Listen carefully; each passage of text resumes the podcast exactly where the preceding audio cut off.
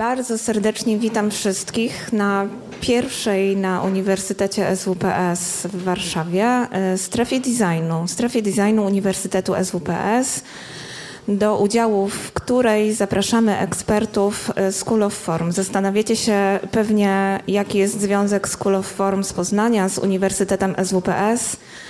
Jest on e, zasadniczy, to znaczy School of Form jest katedrą wzornictwa Uniwersytetu SWPS.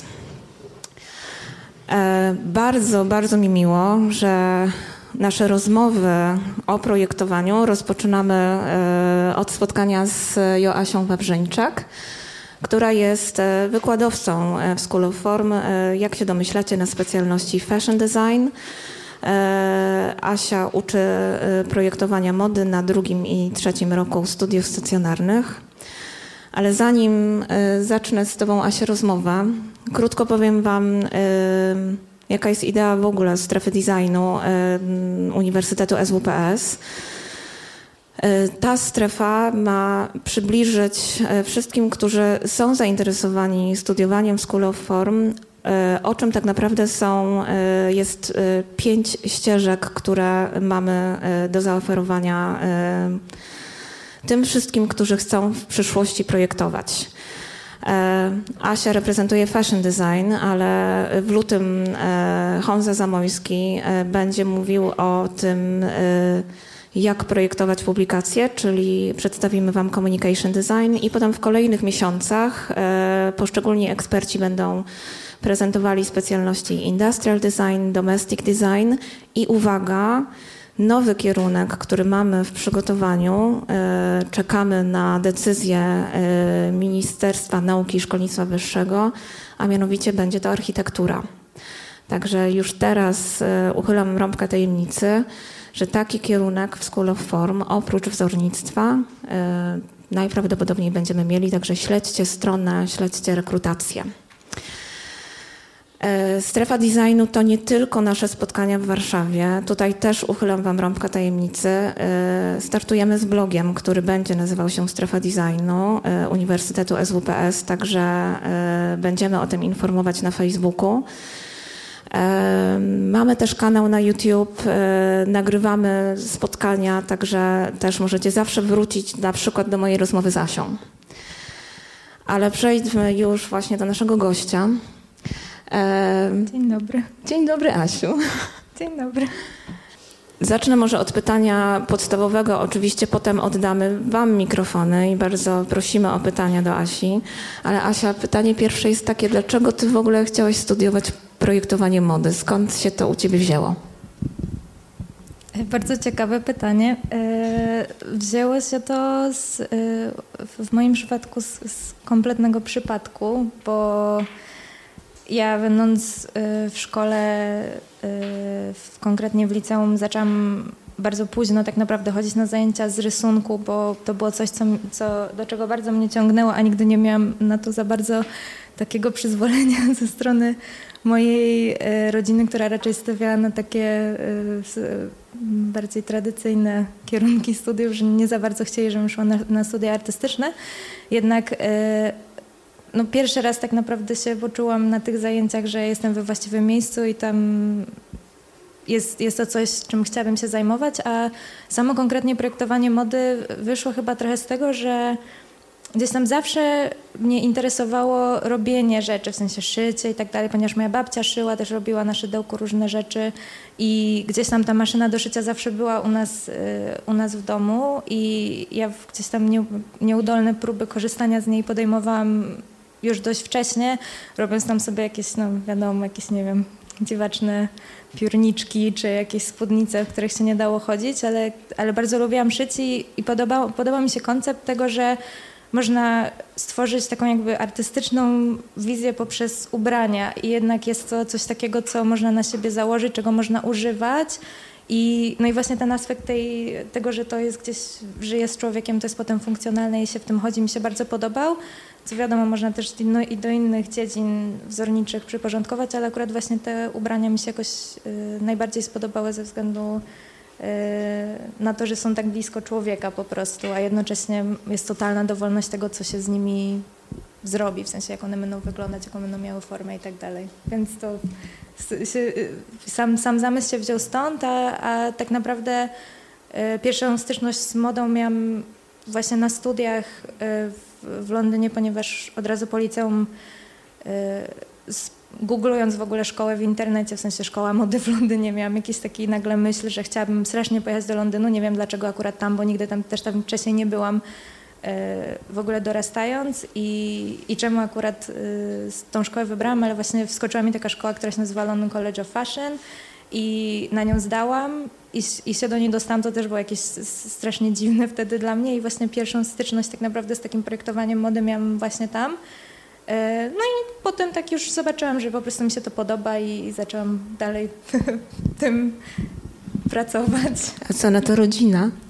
E, rodzina, właśnie to jest bardzo też e, śmieszne pytanie, znaczy śmieszne, ciekawe, ponieważ ostatnio miałam taką rozmowę z moim tatą konkretnie, który strasznie zawsze cisnął, żebym jakieś w akademickie bardziej, szła w akademickie przedmioty, ponieważ miałam, miałam taką miałam na tyle dobrą cechę, że potwornie nie lubiłam szkoły, nie lubiłam strasznie do niej chodzić, ale bardzo szybko i dobrze zapamiętywałam rzeczy, więc nigdy nie miałam problemów z nauką, dlatego to po prostu też w ogóle przejście przez tą szkołę było dla mnie y, katorgą, a jednocześnie moi rodzice właśnie widzieli, że się dobrze uczę, więc chcieli, żebym, żebym szła dalej w jakieś takie akademickie rzeczy. No i dopiero teraz, po wielu, wielu latach, oni tak powiedzieli, że kurczę, ty to faktycznie chyba się tym interesowałaś, jak byłaś młodsza, chyba faktycznie chciałaś chodzić na zajęcia plastyczne czy na rysunek i właśnie e, szczególnie mój tata mi powiedział, że e, dopiero, dopiero po jakimś czasie zobaczył, że ja o tym mówię całkiem na serio, bo jak gdzieś przebąkiwałam, będąc po gimnazjum, że chciałabym może iść do techniku młodzieżowego, co zresztą w sumie ogólnie dość się cieszę, że do niego nie poszłam, ale też y, gdzieś tam taki pomysł był, na co nie było przyzwolenia, że tak powiem, więc y, no, dobrych parę lat to zajęło, żeby tak naprawdę moje, moja rodzina zobaczyła, że, no, że ja naprawdę od, to jest coś, co chcę robić i że, i że jest to realny zawód i myślę o tym bardzo na serio, więc teraz się cieszą, ale, ale wcześniej było dość ciężko. A możesz opowiedzieć trochę, jak projektujesz już po tym, jak zdobyłaś edukację i, i masz doświadczenie? To na czym polega proces projektowy? Jak, od czego ty zaczynasz? Jak długo w ogóle to trwa? Jak długo to potrafi trwać? Jakbyś mogła nam opowiedzieć? Aha, dobra, czyli teraz będziemy przez slajdy przechodzić. E, Okej. Okay. E, sam proces, sam proces projektowy w ogóle tak e, chciałam zaznaczyć dla wszystkich osób zainteresowanych projektowaniem mody. Często ludzie myślą, że w ogóle on jest, nie wiem, bardzo się różni od jakiegoś procesu projektowego, na przykład w projektowaniu mebli albo w projektowaniu czegokolwiek innego, ale tak naprawdę sama zasada jest wszędzie taka sama mi się wydaje i nieważne, czy się projektuje krzesło, czy się projektuje lampę, czy się projektuje jakiś ciuch, czy nie wiem, okulary, to osoba, która jest dobrym projektantem mody, czy yy, no, osoba, która jest dobrym projektantem mody powinna umieć w ogóle zaprojektować wszystko. W sensie chodzi o to, żeby mieć taką otwartą głowę i chłonąć informacje dookoła trochę jak gąbka i i móc je potem właśnie przekuć na, na swoją wizję.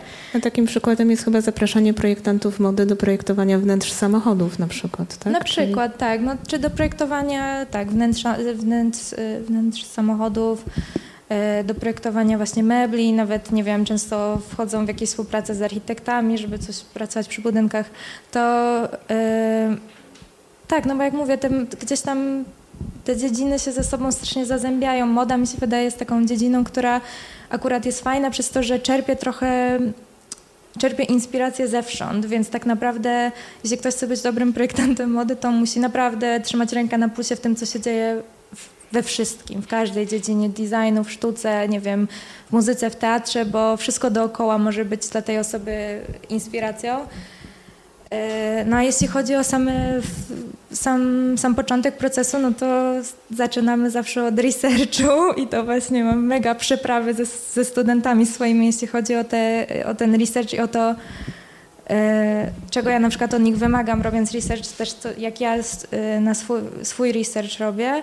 No bo dużo osób tak naprawdę teraz, żyjąc w XXI wieku, korzysta w większości tylko i wyłącznie z komputera i z platform takich jak nie wiem, Pinterest albo Google Images. No i to jest straszna szkoda, bo wiadomo, że no, nie, nie można już uciec przed cywilizacją i że tak jest, ale gdzieś tam takie tradycyjne techniki researchowe uciekły i ludzie w ogóle właśnie tak zamykają przez to, że takich, tak szybko chcą informacji, to sobie trochę zamykają głowę na to, gdzie ich jeszcze można dookoła szukać, więc e, tutaj na, mojej, e, na moim pięknym slajdzie numer jeden chciałam pokazać, że właśnie takie Ogólnie w robieniu researchu modowego wiadomo, że, że najczęściej ludzie sięgają właśnie do gazet, po prostu jakichś magazynów modowych, szczególnie jakichś, nie wiem, starszych na przykład wydań, no bo moda też jest taka, że że to wszystko wraca, jakieś tam rzeczy, które inspiruje się jakby przeszłością, tworząc coś, e, coś nowego. I nawet jeśli ktoś mówi, że nigdy nie patrzy w przeszłość, to i tak gdzieś tam w pewnym momencie to wychodzi, że, że jednak tak jest. E, no ale też właśnie ja zawsze studentom powtarzam, że zamiast w ogóle zakaz mają do Pinteresta, ale zawsze im mówię, żeby zaglądali do książek, to po pierwsze. I też sięgali po takie książki, które normalnie by ich nie zainteresowały, czyli często właśnie taka wizyta do, do biblioteki, co w ogóle chodzenie do biblioteki też nie jest takie super popularne, mam wrażenie, wśród modowych studentów tutaj y, w, w Polsce, że właśnie jak ktoś idzie do biblioteki, to od razu sięga na początku po książkę o modzie, a na przykład nie o jakąś książkę o, nie wiem, bakteriach, albo jakąś książkę z biologii, albo książkę o architekturze, no nie? W sensie nie ma takiego... Y, ludzie myślą, że od, po, od, początku już myślą, że wiedzą, co chcą znaleźć i szukają tego tylko w jakimś tam innym miejscu, więc ja zawsze próbuję ich przekonać, żeby jednak poszli i dali się trochę zaskoczyć tym, co jest wokół nich. E, no i wiadomo, też filmy są świetnym e, źródłem inspiracji. Też im zawsze mówię, żeby znajdowali jakieś filmy, no bo też filmy, które oni oglądają, muzyka, której oni słuchają, nie wiem, miejsca, do których chodzą, to wszystko tworzy tą ich osobowość. No więc e, tutaj tak są, tak research, są magazyny, z które się researchuje, coś trzeba trzymać też rękę na pulsie, jeśli chodzi o fotografów i tak dalej, co się dzieje. No ale najfajniejsze rzeczy właśnie, ja zawsze też mówię y, studentom, że, że trzeba chodzić do galerii i do muzeów i ogólnie muzea i galerie są świetnym miejscem na znalezienie inspiracji i w ogóle moda też ma ogromny związek właśnie ze sztuką, inspiruje się sztuką, więc y, no trzeba wiedzieć po prostu, co się dzieje, no nie? Ale też właśnie tutaj są też takie zdjęcia na samym końcu tego slajdu to takie jakieś, nie wiem, rzeczy, które ja sobie na przykład fotografuję na jakimś tam śmietniku, który znalazłam przy tej zachęcie, bo mi się podobały akurat jakieś tam obdrapane takie elementy. I, no i też właśnie y, trzeba pamiętać o tym, że te inspiracje można znaleźć wszędzie i nawet taki, nie wiem, przysłowiowy śmietnik może być kopalnią tak naprawdę, nie wiem, jakichś tekstur czy kolorów i tak dalej, więc trzeba mieć oczy otwarte i yy, zawsze ze sobą mieć aparat, to teraz tak naprawdę jest telefonem, więc wszyscy go mają, tylko po prostu yy, rzadko ludzie zaczynają z tego korzystać, tak? bo myślą, że znajdą te same, te same zdjęcia w internecie. I też w ogóle mam duży problem y, ze studentami, że oni chcą pokazywać też w ogóle w, w tej um, cyfrowej zdję formie zdjęcia, w sensie przenoszą je na komputerze, co też ja ich od razu odsyłam, że mają i zdrukować, bo jest coś jednak innego w patrzeniu na zdjęcie, które jest wydrukowane na papierze versus zdjęcie, które jest na komputerze. No to po prostu nie jest to samo. E, no tak, no ale to jest research, tutaj są jakieś też etniczne, e, w sensie wiadomo, że każdy sobie szuka w różnych, w różnych miejscach, nie wiem, e, inspiracji. Niektórzy szukają właśnie, nie wiem, w kulturze, czy w jakiejś, nie wiem, tradycyjnym rzemiośle jakiegoś konkretnego kraju, albo nie wiem, czegoś, co znają, w sensie jakby są, można podzielić sobie ten, te researche na różne takie E, podkategorie, jak się szuka, ale właśnie duż, większość osób właśnie szuka tego obrazów i szuka w książkach, inni szukają jakieś, nie wiem, w sobie rzeczy, które ich interesują i tak dalej, czy inni właśnie chodzą po mieście, więc to wszystko, te wszystkie obrazy trzeba kolekcjonować i no i potem jak się ten y, research zrobi. Tutaj jest taki bardzo, bardzo dziwny e, slajd. Nie, nie wiedziałam, jak to do końca dobrze pokazać, ale te e, kwadraciki A i B e, symbolizują jakby jak to, jak się zaczyna research i to robiliśmy z, właśnie z naszymi studentami, tylko trochę inaczej, bo oni wychodzili od jednego słowa. Mają projekt, który jest inspirowany jednym słowem. No więc powiedzmy, że tym słowem byłoby to słowo A i potem znajduje się do niego jakąś kolejną informację, a potem od tych informacji szuka się tych wszystkich tam dziwnych, takich pomieszanych kwadracików, e, po prostu różnych jakby odnóg i rzeczy, które nam się tym kojarzą i niejako na tym polega research, że po prostu każde, jed, każdy, każdy jeden punkt, punkt, punkt, przepraszam, który znajdziesz, cię wiedzie do czegoś zupełnie innego i tak naprawdę wychodząc od punktu A, kończysz swój research na jakimś, nie wiem, punkcie no załóżmy, przejdziesz przez wszystkie jakieś obrazy i kończysz na tej literce Z, ale tak naprawdę twój projekt to będzie jakaś zbieranina różnych po prostu literek znalezionych pod, jeśli każda literka miałaby symbolizować jakieś tam, nie wiem, koncepty, które masz, to kończysz z jakimś słowem, które w ogóle jest zlepkiem po prostu tych różnych liter, więc... a na sam koniec tworzą się właśnie y, z tego całego bałaganu, czyli tej, tego całego alfabetu, który sobie człowiek kolekcjonuje podczas szukania tych informacji, tworzy się takie podgrupki, y, które ja akurat właśnie rozpisałam, jeśli chodzi o te modowe rzeczy, że właśnie, nie wiem, jedne zdjęcia się po prostu edytuje do jakiejś jednej kubki, które bardziej, w, nie wiem, opisują atmosferę, czy właśnie koncept, czy kolory tego projektu, nad którym chcesz pracować. Inne na przykład szuka się w modzie szczególnie to się nazywa garment research po prostu i to są, czy fashion research i to jest e, szukanie po prostu jakichś detali, nie wiem, wykończeń, rzeczy takie, których, które po prostu jasno pokazują, jakie na przykład właśnie, nie wiem, będzie wykończenie w jakiej rzeczy, czy jaki rękaw chcieliśmy zrobić i tak dalej.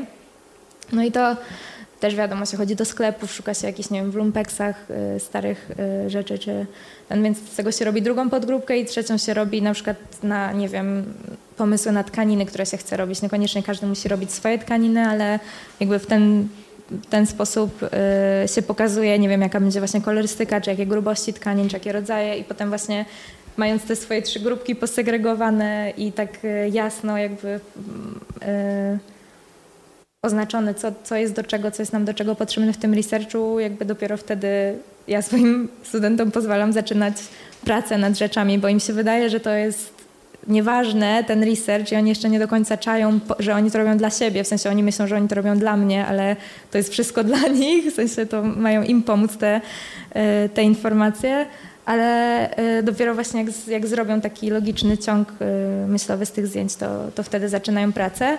No jeśli chodzi o dalszy etap projektu, procesu projektowego, no to robimy tak zwane boardy, w sensie nie wiem jak to inaczej nazwać, ale po prostu też im tłumaczę, że to, jak się przedstawia zdjęcia obok siebie, ma bardzo duże znaczenie i bardzo dużo, bardzo dużo sugeruje jakby temu, który ogląda te zdjęcia. Tutaj akurat, nie wiem, ja zrobiłam jakiś przykładowy screenshot, ale te zdjęcia, które wybieracie szukając researchu, one też mają jakiś jakoś do siebie pasują, czy jakieś jedno zdjęcie Wam się podoba ze względu na wzór, a a inne się podoba ze względu właśnie na wykończenie czy na formę rzeczy, więc też jakby E, te zdjęcia trzeba prezentować, właśnie po to się je zbiera w takie moodboardy, żeby zaprezentować jakby cały ogląd tego, co by się chciało robić.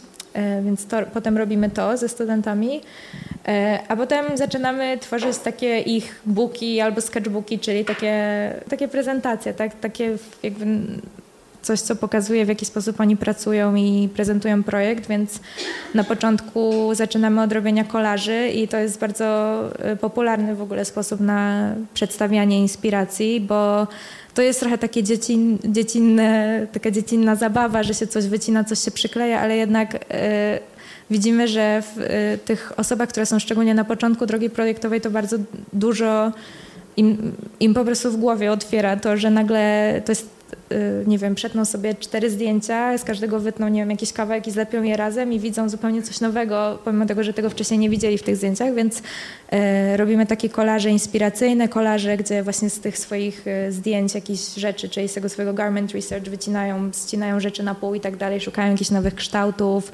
i dopiero potem zaczynają z tego rysować. Mm, a tutaj dalej jakieś kolaże inspiracyjne.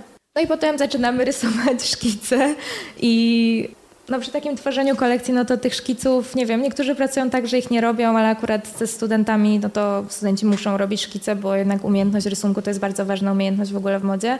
No więc tych szkiców się robi, nie wiem, po no, to zależy od tego też, jak ktoś pracuje. No ale powiedzmy na jakieś, jeśli się robi kolekcję, załóżmy, nie wiem, pięcio, pięciu sylwetek trzeba rozrysować, no to na każdą sylwetkę, załóżmy, się robi około 60 do 100 szkiców, żeby w ogóle znaleźć tą jedną sylwetkę. Ale to są takie liczby z, z głowy, które ja mówię, bo niektórzy, nie wiem, jak mówię, mogą robić więcej, mogą robić mniej.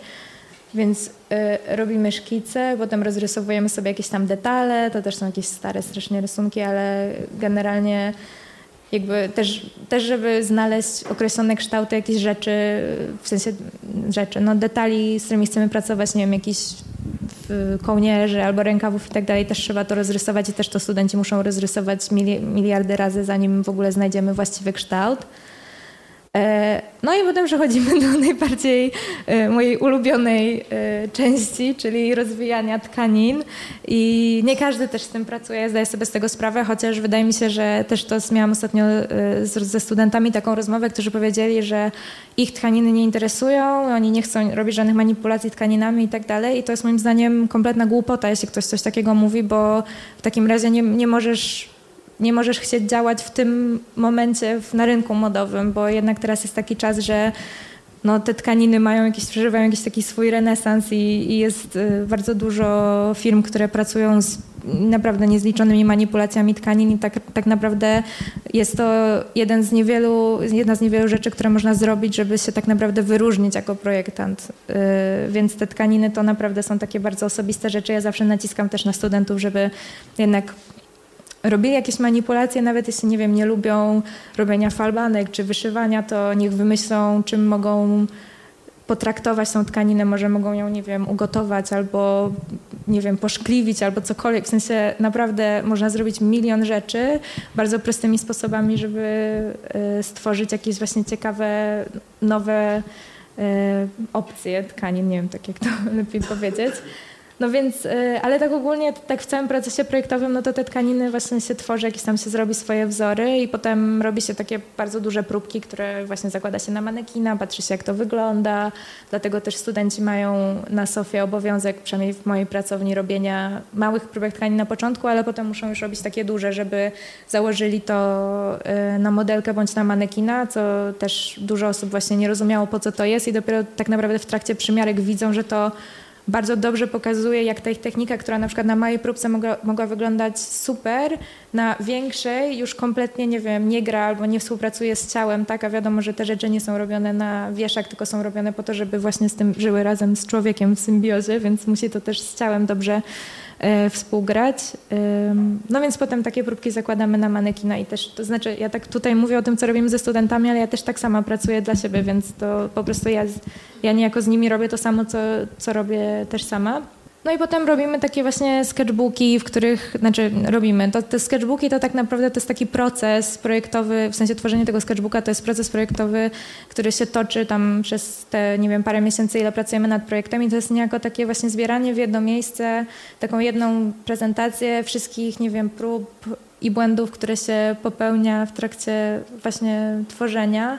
E, tego swojego projektu, więc tam w tym sketchbooku ze studentami właśnie rys, rysujemy szkice, czy ja też rysuję dla siebie szkice, robi się miliardy jakichś opcji kolorystycznych, wrzuca się zdjęcia z przymiarki, na tych zdjęciach się mm, zarysowuje poprawki, no bo też wiadomo, że każdy dla siebie e, jak nie wiem, zaprojektuje sobie jakąś rzecz i potem, żeby ją wykonać, najpierw szyję prototyp. Ten prototyp nie wyjdzie za pierwszym razem w 100% taki, jak powinien być. Często na przykład tych prototypów się odszywa, nie wiem, po 20, żeby w ogóle dojść do właściwej formy yy, ubrania, więc yy, jakby te zdjęcia z, tych, z tego prototypowania wszyscy y, studenci trzymają i, i, bardzo na to naciskam, żeby oni tych żadnych z tych zdjęć nie wyrzucali, bo często na przykład coś im się nie podoba, oni nie chcą tego pokazywać i w ogóle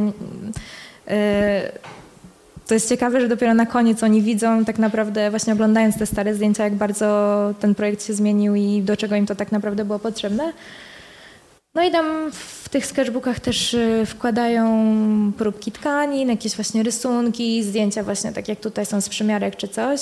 E, teraz nie wiem, jaki będzie następny slajd. A tutaj już jest taki trochę późniejszy sketchbook. Tutaj właśnie potem przechodzimy do takiej opcji, że robimy trochę bardziej wersję tego, co było wcześniej. Konkretnie nie miałam jakby materiałów z tamtego projektu wcześniejszego, więc pokazuję z tego, ale po prostu potem jakby żeby stworzyć tą końcową prezentację projektu, w trakcie wiadomo szyjemy już po tym prototypowaniu jakby prawdziwe rzeczy, ale taką prezentację na papierze tych rzeczy, które, które robimy, no to wybieramy z, tych, z, tego, z tej wielkiej ilości materiałów, które oni mają, takie, y, nie wiem, poszczególne najważniejsze właśnie zdjęcia z researchu, czy y, to jak sobie, nie wiem, tworzyli swoje tkaniny, czy zdjęcia z przymiarek i tak dalej, no i spinamy to w taką, w taką jakby książkę po prostu na sam koniec. Ale też to, tak, ta formuła książki dla mnie to też już jest taki przeżytek, więc ja też ich zachęcam, żeby robili coś innego, ale też nie do, nie do końca jeszcze wszyscy widzą to, że tak naprawdę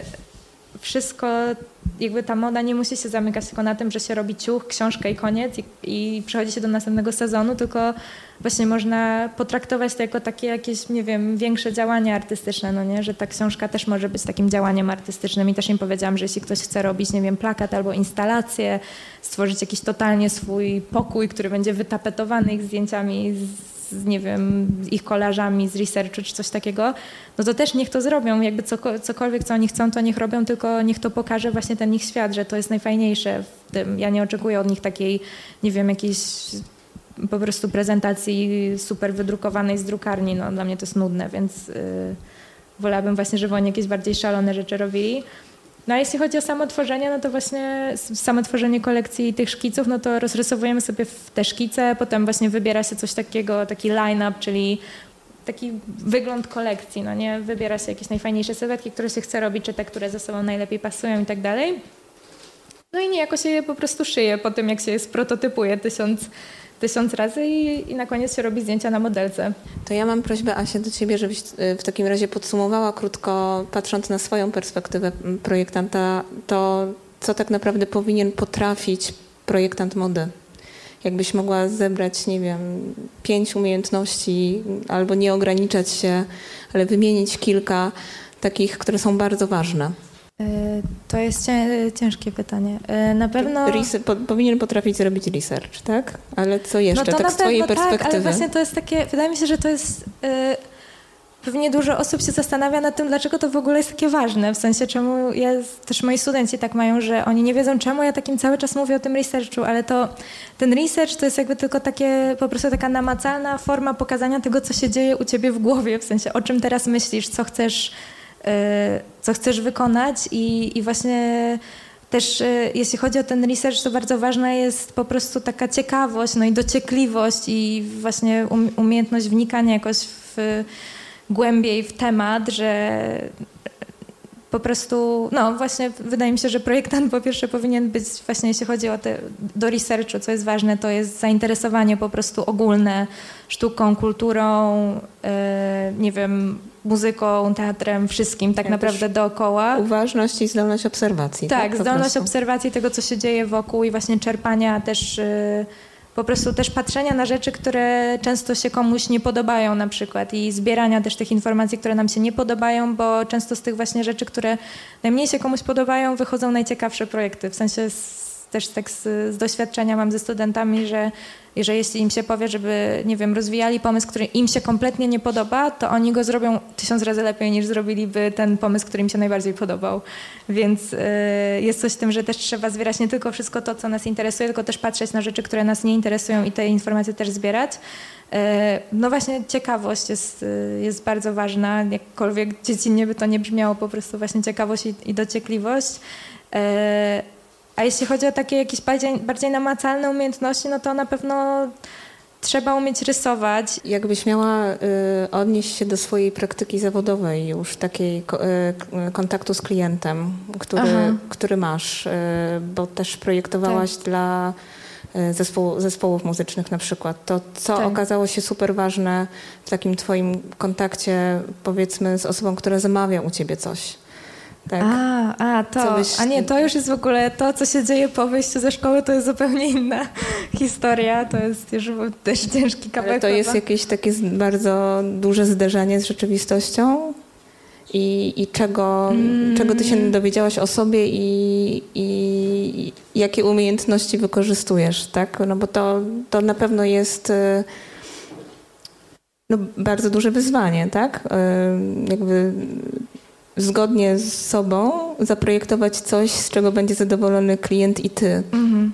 No właśnie nie, właśnie to nie jest największym wyzwaniem moim zdaniem. Wydaje mi się, że, że właśnie dużo osób myśli, że jak się wychodzi ze szkoły, to kończy się kreatywność, a zaczyna się jakaś takie, taka szarość życia i że robi się nagle wszystko pod klienta, to niekoniecznie tak wygląda. Przynajmniej nie wiem, może ja mam przynajmniej to szczęście, że w moim przypadku to tak nie wygląda i to jest super, ale też... Yy, Wydaje mi się, że no tak, no tak jak mówiłam wcześniej, no, no bardzo ważne jest to, jak ktoś projektuje i ta oryginalność, którą ten człowiek ma, bo też jakaś firma podejmując współpracę z tobą, oni nie chcą, żebyś ty wykonał, czy wykonała coś dokładnie tak samo, jak to wygląda, nie wiem, na zdjęciu ściągniętym z internetu, czy jak to wykonała inna osoba. Oni chcą to zobaczyć przez twój pryzmat, przez twoje oczy, no nie? Więc yy, tak z tą kreatywnością chyba nie masz takiego problemu, ale no duży problem jest po prostu taki, że jakby wychodząc właśnie ze szkoły dużo osób nie E, nie ma takiej umiejętności jakby takiej spójnej prezentacji e, swoich prac na przykład, czy,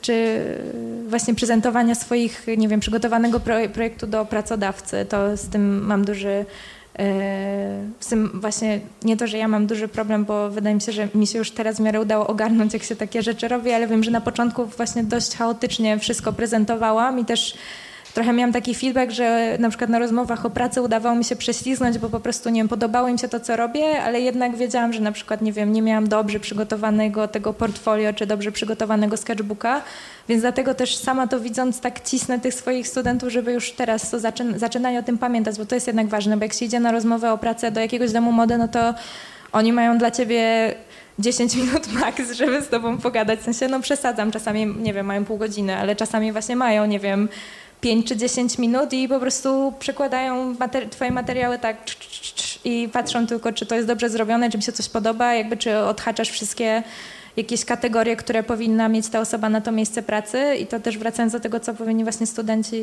umieć, no to e, wiadomo, że sprawdzają tak rysunek, właśnie umiejętność prezentacji, szycie, właśnie no też wiadomo, jakby kreatywność to, to też jest bardzo ważne i w niektórych pracach właśnie to głównie się kogoś bierze ze względu na kreatywność, no ale właśnie też e, no, trzeba umieć tak się spójnie zaprezentować z tymi swoimi wszystkimi rzeczami. I to, I to właśnie się tyczy niezależnie, czy się pracuje, nie wiem, z osobą jakąś artystą scenicznym, czy się idzie na rozmowę o pracę do jakiegoś domu mody, czy się, czy się nie wiem, pracuje z jakąś osobą prywatną, to wszędzie taka, jeśli się ktoś mnie profesjonalnie zaprezentować, to sobie wszędzie poradzi, mam wrażenie. A czy w tym pomagają konkursy? Bo zauważyłam, że teraz tych konkursów y, dla studentów projektowania mody, tudzież młodych projektantów jest bardzo, bardzo dużo. I czy ty jesteś za braniem udziału w konkursach, czy, czy, czy nie? Jakby opowiedz też trochę z twojej perspektywy, y, ponieważ parę mhm. konkursów, y, w paru konkursach miałaś okazję wziąć udział i, mhm. i powiedz, jak ty też dokonywałaś wyboru, w których udział wziąć, a w których mhm. udziału nie brać. E, no to też jest ciekawe pytanie. E, tak, konkursów jest na pewno bardzo dużo i są takie większe, znane na przykład na całym świecie konkursy modowe właśnie dla studentów czy młodych projektantów, e, w których totalnie jest warto brać udział. Jeśli to ktoś, nie wiem, nie stresuje kogoś, e, po prostu sama taka formuła konkursu i umie się dobrze do tego przygotować, to bym bardzo ludzi zachęcała, żeby brać w tym udział, bo realnie można po prostu, nie wiem, wygrać na przykład fundusze, w sensie dostaje się po prostu nagrodę pieniężną, która pozwala ci na zaczęcie jakiegoś tam biznesu, czy zrobienie następnej kolekcji, więc to jest super, więc jak najbardziej tak. E, no i na pewno im, więc, im większej ilości tych konkursów bierze się udział, tym bardziej właśnie człowiek e, zaczyna zauważać, jak się dobrze zaprezentować, jak się szybko zaprezentować, właśnie spójnie i e, no i też przestaje się stresować. No ja na przykład nie, nie, pomimo tego, że brałam udział w y, jakichś paru konkursach, to właśnie mimo wszystko nadal się strasznie stresuje. Na przykład ta nasza rozmowa mnie bardzo stresuje, że tak y, nie, w ogóle nie lubię właśnie jakichś takich publicznych y, wystąpień i tego typu rzeczy. I właśnie też z tymi konkursami ja trochę miałam taki problem, że dość szybko zauważyłam, że to nie jest jednak dla mnie. W sensie ja wzięłam udział w jakichś tych konkursach, na przykład ten Muse, nie, zaraz było Vogue Talents Muse, to, to akurat był taki konkurs tylko w internecie, więc y, to tam jakby było organizowane przez Vogue i tak dalej, ale nie, nie było de facto jakiejś takiej komisji, a, a chyba jeden taki konkurs, jedyny, na którym byłam y, realny, to był konkurs of fashion, ale nie udało mi się tam y, wygrać, nawet nie, nawet nie udało mi się dojść do, do finału, w sensie byliśmy w pół, półfinale, ale nie, nie doszliśmy już dalej. I chociaż moja koleżanka, zresztą też wykładowczyni na, na School of Form, Kasia Skurzyńska, która ma markę Kaskas, była w tej samej edycji, którą zresztą wygrała, więc super i, i, i super zasłużenie.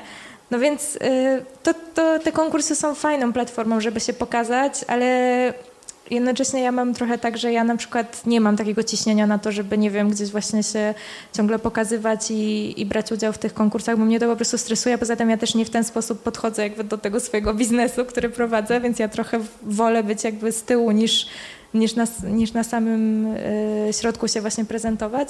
Tak, konkursy są super, no tylko trzeba po prostu, wie, trzeba się czuć z tym dobrze, no i to lubić po prostu, a ja na przykład, ja nie lubię. To moje ostatnie pytanie, a potem oddaję Wam mikrofon. E, czym się teraz, Asia, zajmujesz? Powiedz, co teraz robisz? Co, nad czym pracujesz? Dobre pytanie. E, zajmuję się projektowaniem tkanin, głównie teraz w tym momencie. E, no ale też właśnie projektuję stroje sceniczne, tak jak e, Ci mówiłam, dla różnych e, artystów. Między innymi na przykład ostatnio pracowałam z tą piosenkarką, która się nazywa Keleila, której wcześniej nie znałam za bardzo, ale teraz sobie przesłuchałam jej płytę i jest bardzo fajna. Ale też właśnie, no to jest super, no praca na przykład właśnie z takimi osobami jak Bev Dito, czy ta babeczka z Little, z Little Dragon, no to to właśnie tym się zajmuję i te projekty mi się bardzo podobają, bo to są fajni, fajni są ci muzycy do współpracy, ale gdzieś to też tak jakoś tak naturalnie wyszło przez po prostu charakter kolekcji, którą ja wtedy zrobiłam. Nigdy nie miałam jak, jakiegoś takiego zapędu, chociaż teraz jak sobie przypomnę, to sobie na studiach pracowałam z brodką, ale tak ogólnie to projektuję tkaniny, bo też to jest coś, co najbardziej lubię i co mnie najbardziej interesuje i ta pasja się zaczęła właśnie jak pracowałam w, w u Aleksandra McQueena i tam po prostu jakieś to było dla mnie życie w bajce po prostu, praca w tym, tym domu mody, dlatego że jakby pomijając sam fakt, że tam jest bardzo ciężko i tak dalej, to jednak te, te, te tkaniny, jakie oni robią i jak oni je robią, są niesamowite i stąd po prostu ja złapałam takiego jakiegoś hopla na punkcie tkanin od tamtej pory, więc teraz głównie zajmuję projektowaniem tkanin, no i Współpracuję z, y, teraz akurat y, z, w tym momencie z jakimiś tam markami sportowymi, ale z markami modowymi również. Jakieś, y, na przykład, nie wiem, sprzedaję swoje próbki jakichś tam wyszywań czy tego typu rzeczy. E, no i na boku sobie robię swoją kolekcję, z którą mieliśmy taki moment, że, że chcieliśmy coś bardziej, bardziej ruszyć, bo było zainteresowanie właśnie ze strony, duże zainteresowanie ze strony prasy, jak jeszcze mieszkałam w Londynie i ze strony bajerów, ale ja jakoś wtedy zaczęłam właśnie pracę e, z, e, z, to, z jedną z, z marek sportowych, w sensie potem zaczęłam jeszcze z drugą i po prostu jakoś taka mm, praca, y, te, po prostu ta codzienność pracy mnie tak trochę przygniotła i już na razie mm, trochę ten pomysł z zrobieniem swoimi, swoich rzeczy odłożyłam i się zaczęłam, zająć właśnie uczeniem póki co, więc to jest dla mnie bardzo fajna też rzecz, właśnie możliwość poznania tych, y, tych młodych ludzi. Też jak mówię młodych, to oni są ode mnie młodsi, nie wiem, no 5 czy 6 lat to nie jest jeszcze taka jakaś mega różnica, ale i tak jest to ciekawe, jak patrzą na świat, więc y, tak, no głównie się zajmuję projektowaniem właśnie tkanin, tym, tych rzeczy scenicznych i i uczeniem. Dobrze, to moje pytania się wyczerpały, ale podejrzewam, że wy macie parę, więc y, chętnie podam mikrofon. E, dzień dobry, przepraszam, się troszeczkę spóźniłam, może była o tym mowa na początku. Mam takie pytanie. Ponieważ chciałabym zacząć projektować dla siebie ubrania e, na wyjścia i wielkie gale, ponieważ nie mogę znaleźć nic w sklepach, co mnie interesuje. Natomiast chciałabym pominąć etap szkoły troszeczkę, bo już mam kilka, trzydzieści lat i nie mam już czasu, bo rozwijam się w bardzo wielu kierunkach. I jakbyś mogła mi podpowiedzieć, co zrobić? W sensie, bo umiem sobie naszkicować, wiem jak chcę, żeby to wyglądało. Natomiast y, najprostszym sposobem chyba jest po prostu zanieść to do krawcowej i znaleźć materiał. Natomiast jeśli chciałabym później rozwinąć z tego na przykład swoją markę, czyli żeby na podstawie tego mojego wzoru było tworzonych więcej sukienek, to słyszałam, że robi się to dość problematyczne, ponieważ y, krawcowa też ma jakieś swoje prawa autorskie. No i pewnie też no, troszeczkę by mnie wsparła w tym, konstrukcyjnie, bo niestety nie mam w tym doświadczenia. Jakbyś dała takie krok po kroku, jakby ktoś rzeczywiście fizycznie chciał już, już to zacząć robić. znaczy, oglądałam ten cały proces, więc jakby filozoficznie yy, wiem już po kolei tworzyć te buki, zbierać inspiracje, ale jak już mam rysunek tej sukienki i co dalej, żeby rzeczywiście zacząć tworzyć swoją markę?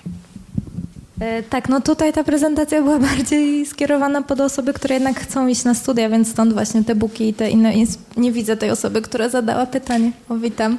E, no to jak je, jeśli masz szkic, no to robisz dokładnie to, co powiedziałaś, czyli na początku niesiesz go do krawcowej, czy szyjesz go y, sama, tak jak e, nie wiem, jeśli umiesz szyć sama i wiadomo, zaczynasz od tworzenia konstrukcji tego projektu i odszycia prototypu, przymiarki i tak dalej, no a potem po zaakceptowaniu prototypu, który odszyjesz, szyjesz projekt już E, z właściwej tkaniny, a jeśli chodzi, co tam było pytanie, że co dalej? Tak, ja właśnie nie szyję. Czy może jak to jest sprawami autorskimi, jeśli poproszę krawcową, żeby uszyła według mojego projektu, czy następnie mogę produkować więcej tych sukienek, żeby, no żeby tak naprawdę zacząć się sprzedawać? Tak? No tak, oczywiście, że możesz, ale krawcowa, jakie, nie ma krawcowa... Yy wydaje mi się, jakichś praw autorskich w projekcie. Jeśli ty idziesz z wzorem projektu, krawcowa jest osobą, która, czy krawcowa i konstruktor, albo nie wiem, jeśli to jest osoba, która jest krawcową i konstruktorem, jest osobą, której ty płacisz, żeby y, z tobą współpracowała i pomogła ci zrealizować twoją wizję, więc też ważne jest właśnie zachowanie dobrych kontaktów i y, z, tym, z tymi osobami, ale no nie, nie ma taka osoba praw do twojego projektu, więc po prostu potem jeśli taka sukienka, na przykład zaprojektujesz sobie jakąś sukienkę X i uszyjesz ją dla siebie i ci się podoba i chcesz ją dalej produkować, no to po prostu idziesz z przeszytym, y, przeszytą realną rzeczą i z prototypem i z formami i ze wszystkimi innymi materiałami, które mogą być potrzebne do szwalni i pytasz się, czy ta szwalnia chciałaby z tobą nawiązać współpracę i, i wyprodukować, zrobić taką produkcję na przykład y, rzeczy. No a potem to sprzedajesz, tak, tak jak rozumiem. Zapraszamy do zadawania pytań. Dzień dobry wszystkim. E, chciałabym zapytać się też tak od strony rysunku i tworzenia projektów właśnie, ponieważ e, moja mama jest krawcową i ma już bardzo długie, długoletnie rzemiosło, jeżeli chodzi o, o fach i gdzieś tam może ma w głowie jakieś swoje wizje i ma swoje inspiracje, ale chodzi teraz głównie o podszkolenie rysunku. Jak można, jakie są pierwsze kroki, od czego też w sumie zacząć, jak można się nauczyć, ile mniej więcej z tym schodzi, jeżeli ma się jakiś tam zamysł i, i lubi się rysować, ale może niekoniecznie ma się technikę w tym kierunku. O sam rysunek, tak? Tak, same tworzenie rysunku. Mhm, taki eee, proces. Kurczę, to też ciężkie pytanie, bo to w sumie bardzo jest indywidualnie dla, yy, dla każdego, w zależności od tego, jak dużo ta osoba wcześniej rysowała, czy rysowała wcześniej, czy nie. Yy, w ogóle super, że mama jest krawcową. Bardzo fajnie, jeśli chciałabyś kiedyś ty zakładać na przykład yy, markę modową albo coś robić z projektowaniem, no to bardzo fajnie. Bo... Ja jej bardzo pomagam teraz w tym wszystkim, także mm. też staram się coś po prostu jej doradzić. No, nie no, w ogóle krawcowe to jest mega skarb. Osoby, które robią konstrukcję, to też jest mega skarb, więc super. E, jeśli chodzi o rysunek, to w sumie ja, ja bym tylko mogła poradzić taki rozpoczęcie nauki rysowania, mimo wszystko, że to będzie potem rysunek modowy, bym jednak radziła, żeby rozpocząć od takiego tradycyjnej, nauki rysunku. Ja na przykład chodziłam na taki rysunek do Domu Kultury, to w ogóle w niektórych miejscach jest za darmo, w niektórych się płaci jakieś y, małe pieniądze za to, żeby po prostu nauczyć się rysować sylwetkę człowieka, czy nauczyć się rysować tkaninę, no bo jednak w rysunku modowym bardzo ważna jest po pierwsze sylwetka, a po drugie właśnie umiejętność narysowania tkaniny.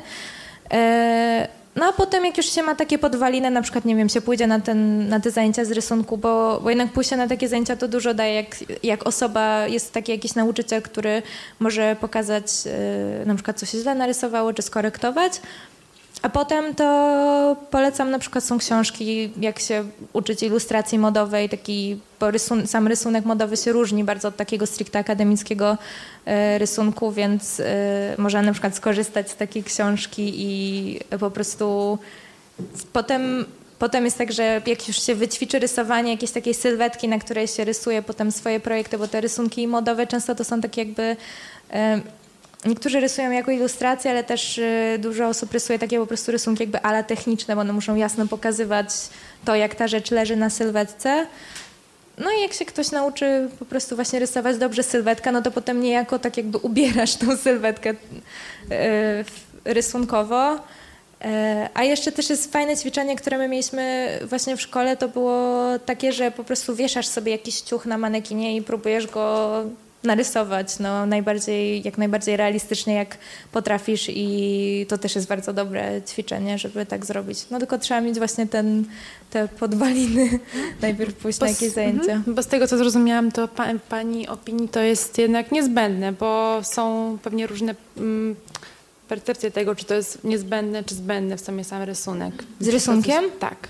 Znaczy mi się wydaje, że w ogóle w projektowaniu mody to, to jest niezbędne jednak, mhm. bo nie, nie da się trochę tego przeskoczyć, w sensie na etapie szkolnym jeszcze możesz się uprzeć, że nie wiem, mam taką wizję, że będę robić tylko kolaże, nigdy nie robię rysunków, nie obchodzi mnie to i tak dalej i gdzieś tam pewnie to przepchniesz, ale jednak już pracując, no to niestety podwykonawcy czy firmy, z którymi pracujesz, wymagają od ciebie rysunku technicznego, na przykład tak jak tam właśnie osoba pytała o to, jak, mhm. nie wiem, co się robi po tym, jak się chce zacząć sprzedawać, no to na przykład szwalnia musi mieć rysunek techniczny, żeby wykonać ci y, twoją rzecz. Także w projektowaniu modem w ogóle jest niezbędny rysunek. Ja chciałabym jeszcze się zapytać o pracę z klientem, bo jest to dla mnie jasne, że studia przygotują nas powiedzmy do tego, jak e, do tej książki, wszystkich tych tworzenia kolekcji, robienia tego wszystkiego, mm. ale jak potem to wygląda? Czy są jakieś takie najważniejsze rzeczy, E, o których musimy pamiętać w tej pracy z klientem, jakieś, nie wiem, informacje, które musimy zawsze... Ja wiem, że każdy projekt jest inny, ale chodzi mi o to, czy są jakieś takie wspólne elementy, coś, co jest bardzo ważne, coś, co musimy wyciągnąć od klienta, żeby móc lepiej stworzyć dla niego projekt, czy są jakieś takie rzeczy, coś, co jest najważniejsze w tej pracy z klientem później? Aha, y, rozumiem. No y, tak, na pewno trzeba od tego klienta wyciągnąć brief tego, co by chciał, żeby, żeby, żebyś y, dla niego robiła, co wbrew pozorom wcale nie jest takie łatwe wśród niektórych osób, bo często ludzie na przykład nie wiedzą do końca też, co chcą i, i ciężko jest tak skonkretyzować ten projekt. Ale mm, nie, no po prostu trzeba się jakby bardzo porządnie wypytać o to, o, jakby po co czego oni od ciebie oczekują, no nie? Co chcą, co, chce, co chcą mieć zaprojektowane, bo wiadomo, że każdy projekt jakieś tam ma swoje wytyczne i ty jakby na tyle, możesz być na tyle kreatywna, na ile ci te wytyczne jakby pozwalają, w sensie musisz się wpisać właśnie w te wytyczne, więc y, na pewno, żeby ta osoba była zadowolona z tej współpracy, to trzeba właśnie spróbować jak najbardziej zrozumieć tą drugą stronę, czego ona oczekuje, a nie próbować na przykład forsować jakąś swoją wizję, ale też y, często jest tak, że jak się z kimś współpracuje, no to wręcz y, trzeba trochę walczyć o to, żeby tą swoją wizję przeforsować, więc w większości jednak ludzie dość jasno mówią, o co im chodzi i, i każą yy, tak i, i, coś, nie wiem, dyktują po prostu takiej osobie, co ma robić. Ale tak ważna jest taka umiejętność właśnie zrozumienia i wczucia się po prostu w klimat tego, tej osoby i, i, tej, i tego projektu. Dzień dobry. Ja chciałam Dzień jeszcze dobry. się zapytać, e, czy ma Pani kontakt z absolwentami swoimi i czy wie Pani, jak potoczyła się dalej ich droga w gestii projektowania oczywiście? E, z moimi absolwentami to dopiero będę mieć kontakt po tym roku, bo w tym roku będę mieć pierwszego absolwenta, bo e, szczerze mówiąc zaczęłam uczyć dopiero, też znowu nie widzę tej osoby, przepraszam.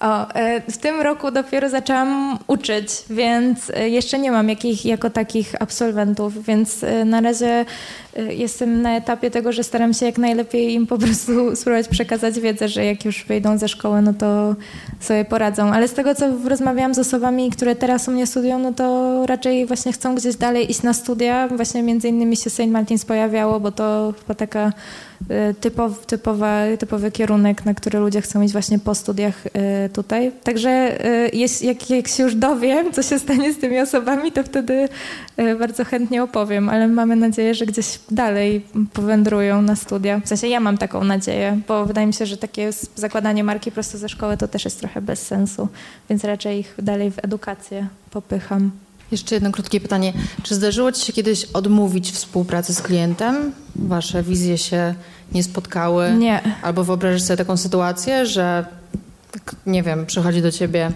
wokalista ich troje Ojejku, I wiesz, wymyśla... jak się cieszyła, jakby do mnie przyszedł wokalista ich troje? No dobra, to jakiś inny wokalista, który miałby mm. totalnie, może nie tyle odjechaną wizję, bo rozumiem, że to było fajne wyzwanie, ale coś, co tak, tego nie czujesz, że odmawiasz? Czy takie rzeczy się raczej nie dzieją? Nie, jedyny, jedyny scenariusz, w którym ja na przykład odmawiam współpracy z kimś, to jeśli wiem, że totalnie nie mam czasu, żeby ten projekt wykonać, albo B, osoby są na przykład nie wiem, jakieś podejrzane, jeśli chodzi o to, że nie chcą podpisać na przykład umowy, co jest w ogóle tak dla osób, które już na przykład właśnie pracują, no to to jest mega problem i z tym jest mega ciężko, ale y, ogólnie to nie zdarza mi się odmawiać żadnych y, projektów, czy jeśli się pojawia jakaś możliwość, bo y, właśnie została mi powiedziana na studiach bardzo mądra w sumie rzecz, że jako młoda osoba trochę nie możesz niejako odmówić komuś współpracy, bo nie masz jeszcze tyle doświadczenia, żeby móc sobie na przykład przewertować jakieś tam oferty i, i z nich wybierać. I ja jako osoba, która w sumie zaczęłam coś z modą robić, czy nie wiem, robić jakieś staże, czy trochę pracować. Jak miałam w sumie 18 lat, a teraz jest y, powiedzmy prawie 10 lat później i nadal czuję, że jeszcze nie jestem na takim etapie, że mogę w ogóle właśnie komuś odmówić, no nie, że jeszcze też bardzo y, w ogóle tak jakby y, chcę się wiązać w różne projekty. No bardziej, tak, bardziej, bardziej mnie to interesuje, żeby, bardzo mnie to interesuje, żeby z ludźmi pracować, więc w ogóle też wydaje mi się, że tak, że, że młodzi ludzie za bardzo nie, nie mogą mówić nie, bo teraz są brutalne. Czy to było gwiazdorzenie po prostu, tak? E, nie, nie, nie, nie gwiazdorzenie. Znaczy, no zależy, co, jakby, jak kto uważa. No nie, jeśli ktoś na przykład, nie wiem, bardzo mu się coś nie podoba, czy uważa, że ma tak mocną wizję, że tam do, do jakiejś, nie wiem, firmy nie chce iść, lub do, z jakąś osobą nie chce współpracować, to okej. Okay. Ja po prostu tylko uważam, że w moim przypadku to e, by się nie sprawdziło, bo na pewno bym każde doświadczenie, czy każda rzecz, które się podejmiesz, doprowadza cię potem w efekcie do czegoś innego. No i to jest bardzo ważne, bo tak naprawdę ta, gdzieś tam twoja droga się tak toczy, właśnie podejmując jakieś takie często dziwne decyzje, czy rzeczy, które, nie wiem, współpracując z osobami, z którymi normalnie byś nie współpracowała, a gdzieś tam po jakimś czasie widzisz, że to owocuje yy, po pierwsze znajomościami, po drugie jakimiś tam właśnie dalszymi współpracami i tak dalej. Więc ja w ogóle zawsze polecam ludziom, żeby nie, żeby nie mówić nie, pod warunkiem, że to jest no ewidentnie to jest jakiś przekręt albo właśnie wiesz, że nie wiem, e, ktoś, nie wiem, nie chce ci zapłacić albo cię będzie bardzo źle traktował i nie chcesz brać po prostu, nie chcesz się dać tak traktować, bo też wiadomo, trzeba się szanować, ale ogólnie teraz rynek modowy jest taki, że jest bardzo brutalny jest naprawdę miliardy osób, które mają 50 tysięcy razy wyższe doświadczenie i kwalifikacje niż niż ja, więc ja bym nie mogła po prostu powiedzieć, y, w sensie nie, nie mogłabym powiedzieć nie, no nie, bo, bo straciłabym jakąś tam opcję na to, żeby się właśnie dalej rozwinąć. Y, więc raczej, raczej nie odmawiam. Okej, okay, dziękuję. Dziękuję.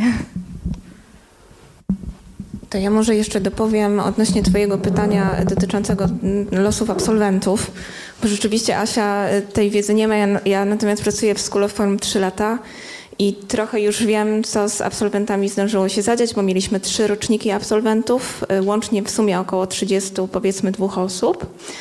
I teraz e, około 10, czyli jedna, jedna trzecia y, z tych osób e, założyła własne, własne marki modowe. To jest na przykład marka Diligent, która jest teraz dosyć popularna i, i para, para absolwentów już E, bardzo fajnie ją rozwija, e, ale to są też marki akcesoryjne. E, Garham szyje na przykład torby i to jest też nasza absolwentka. No, takich osób jest około 10. Dwie osoby zdecydowały się na studia magisterskie i bez problemu Michał dostał się na Central St. Martins. W sumie miał do wyboru tę szkołę, którą Asia skończyła ale też dostał propozycję z Parsons e, w Nowym Jorku z pełnym stypendium. Zdecydował się na Central St. Martins, no bo tak jak słyszeliście, to jest najlepsza szkoła mm, projektowa, jeśli chodzi na przykład o studia drugiego stopnia.